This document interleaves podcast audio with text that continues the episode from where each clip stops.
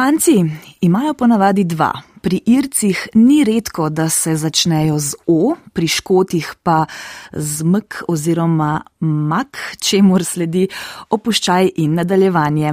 Danska končnica eh, sen naj bi izhajala iz označevanja njega, dater nje, no in še bi se verjetno našle zanimive eh, priimkovne prakse po svetu. Mi torej danes preverimo, kako je z našo torkov kviz.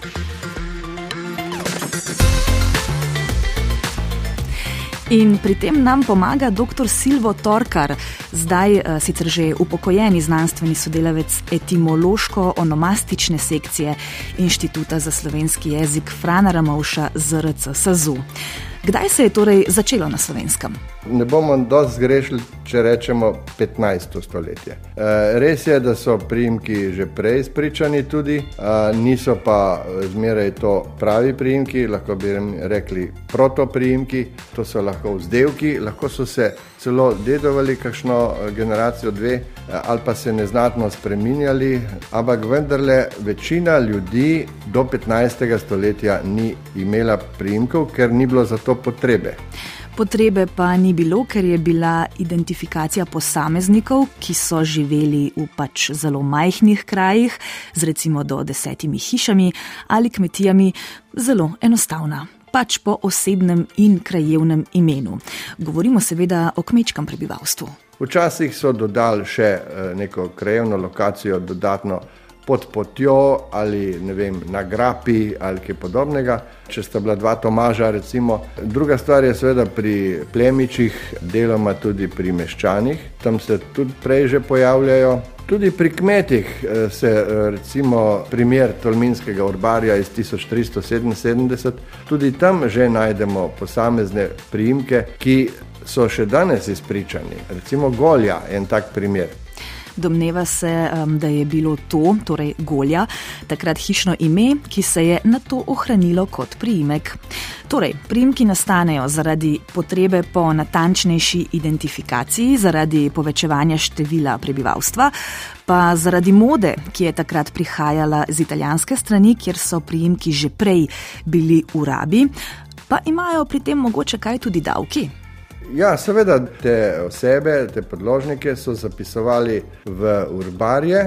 Urbarje pa seveda knjiga, kjer se upisujejo dejatve, da bi bili ti podložniki natančno identificirani, eh, je bilo vsekakor treba ga določiti z nekim identifikatorjem, ki je eh, nedvoumno govoril o tem, za katerega podložnika gre. Ja, kako že pravijo, nič ni eh, gotovega razen smrti in davkov. Virov eh, nastanka priimkov je več, večina raziskovalcev jih deli na štiri skupine. Prva je tako skupina priimkov, ki je nastala iz osebnih imen. Tako je naprimer sin nekega Tomaža postal Tomažič. Pripona ič je e, sicer manjšalna v vseh slovanskih jezikih, tudi v slovenščini, ki je pa dobila to patronimično funkcijo, torej eh, funkcijo poimenovanja po očetu, priimka po očetu. No, in ta pripona ič se je lahko uh, izmenjavala s pripono ec, ki je prav tako manjšalno patronimična. Bile so še druge pripone, recimo e, tome, če vzamemo isto osnovo, ne, ki je isto pomenil sin Tomaža. Drugi vir nastanka priimkov so bili poklici. Kovač je postal kovač, tkavci so postali tkavčiči, pozneje kavčiči, ker je bilo eh, črko T spredaj pač težko izgovoriti. Zidarjem so večinoma rekli kar po nemško, maurerji. Čevljari so pa postali šuštarji, šuštariči in šuštaršiči in tako naprej, ni za sogovornik. Iz krajevnih imen je zelo raznolika skupina ker so eh, ne samo iz večjih krajev, ampak tudi iz eh, manjših lokacij, ne, iz nekih ledinskih imen, iz imen neke hiše, na, ki je bila nek, na nekem griču ali v neki dolini ali, ali ob neki vodi in tako naprej. Ali pa tudi narodnostna imena, včasih pokrajinska imena so lahko bila. Ne. Nekateri so tudi prihajali od daleč ali so prišli iz sosednje države, recimo eh, Furlani, ali so prišli iz Koroške, Korošci, ali so prišli eh, skrajinske krajci, ne, če niso bili na krajinskem, čeprav eh, krajincev je v Sloveniji ogromno. Eh, bili so Hrvati, ne, ki so jim po mačarsko rekli Horvati. Ne, In ostane zadnja skupina, vzdevki. Ta je pa najbolj raznolika. In večinoma so to rahlo slabšalni priimki, ki so se očitno razvili. Tudi iz slabšalnih vzdevkov, ki uh, opisujejo človekovo duševno ali pa telesno stanje, dosti krat kaj takega, kar je izstopalo po neki negativnosti ali neki slabšalnosti. No. Kaj pa to pove o slovencih? To ni, ni, ne bi rekel, da je slovenska. To je splošno človeška. Tem, tudi če pogledamo uh, danes, vzdevki so kategorija, ki se stalno tvori. Če pogledate v šolah, v nekih skupinah poklicnih, kjer se uh, ljudje dobro med sabo uh, veliko komunicirajo, ne, recimo razredi v šoli vzdevki so praviloma negativni, ne? niso dani po nekih eh, zelo, zelo eh, dobrih, lepih lastnostih in si lahko malo oddahnemo. Ne?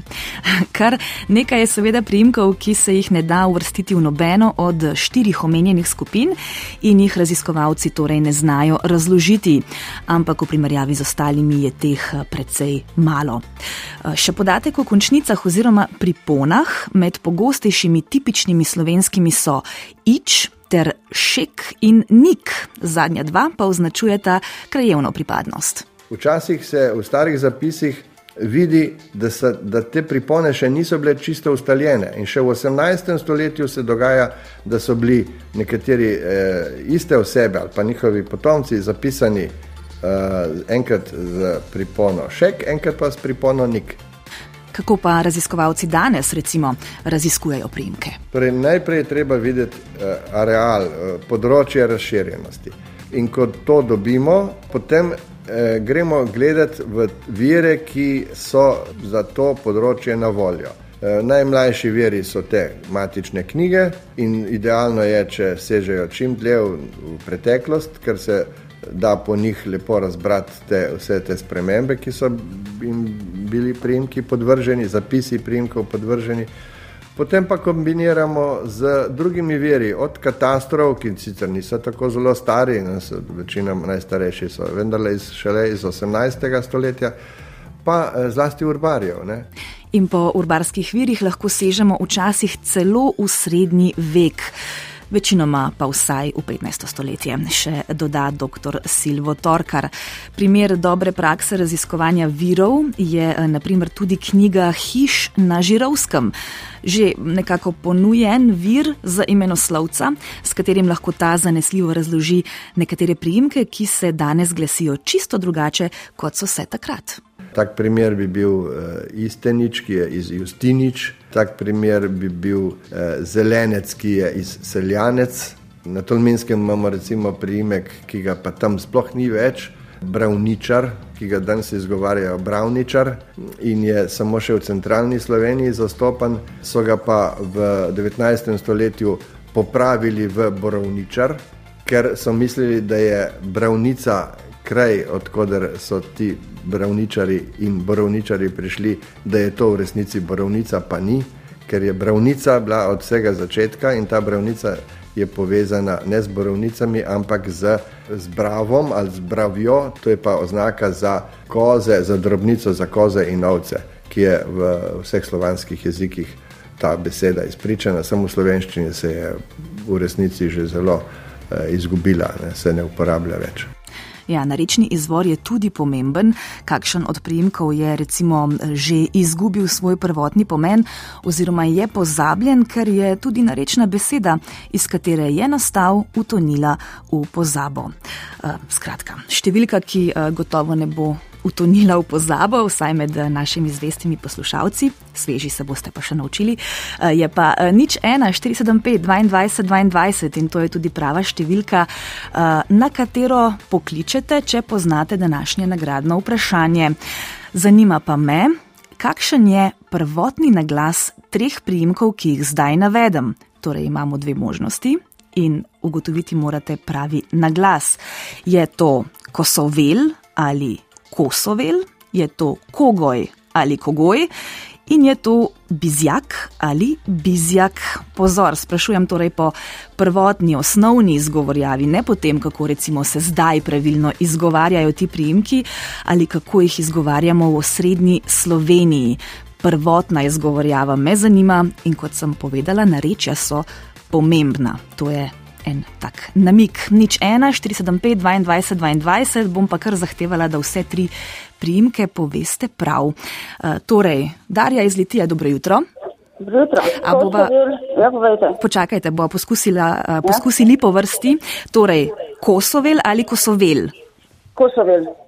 Kosovel na prvem O, ne, ne bo držalo. Uh, hvala za poskus, uh, srečno. Ste pa morda pomagali sledečemu, ki zdaj vsaj en odgovor zagotovo ve. Nagradno vprašanje zdaj rešujemo in uh, potrebujemo pravilen odgovor.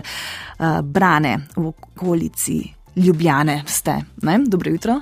Niste? Aha, ušli.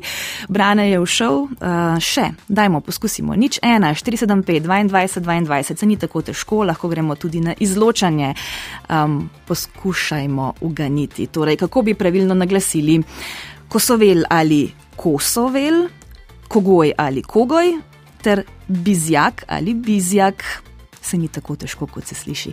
Terezija iz Šančurja, dobro jutro. Ja, ja, dobro jutro. Terezija, povejte, kosovel ali kosovel? Kosovel. Tako, potem pa kogoj ali kogoj. Bo šlo. Kogoj, kogoj. Na prvi o ste rekli, tako, kogoj. Ja. Um, in potem še zadnja, upam, da vam bo uspela. Bizjak ali bizjak? Bizjak. Pravilno. Terezija je, je šlo po ugibanju. Ja, ja, po ugibanju. Po ugibanju ja, no. tot, ja. Odlično, malo sreče pa je šlo. Torej, da ponovim, ko so vel, kogoj in bizjak. In zdaj, verjetno ja. se to sliši ravno obratno, kot bi ponavadi ja, rekli. Ja, sem, sem čutila to, ja, da, mogu, da, da bo nekaj nenavadnega. Ne? Ja. Ja. Um, Terezija, kaj pa vaš priimek? Ste ga kaj raziskovali? Kakšen je? Kajzer. Kajzer. Kajzer. Tukaj ja. se da nekaj sklepati, ne? Ja, to šasti zveni nekako. Uh -huh. Mislim, to je po možu, to je po možu. Ja, seveda. Mogoče mora potem mož malo bolj raziskati, ne? Ja, ja. Če vas zanimajo te stvari, seveda. Ja, to je res. Ja. No, Terezija, prosim, ostanite na liniji.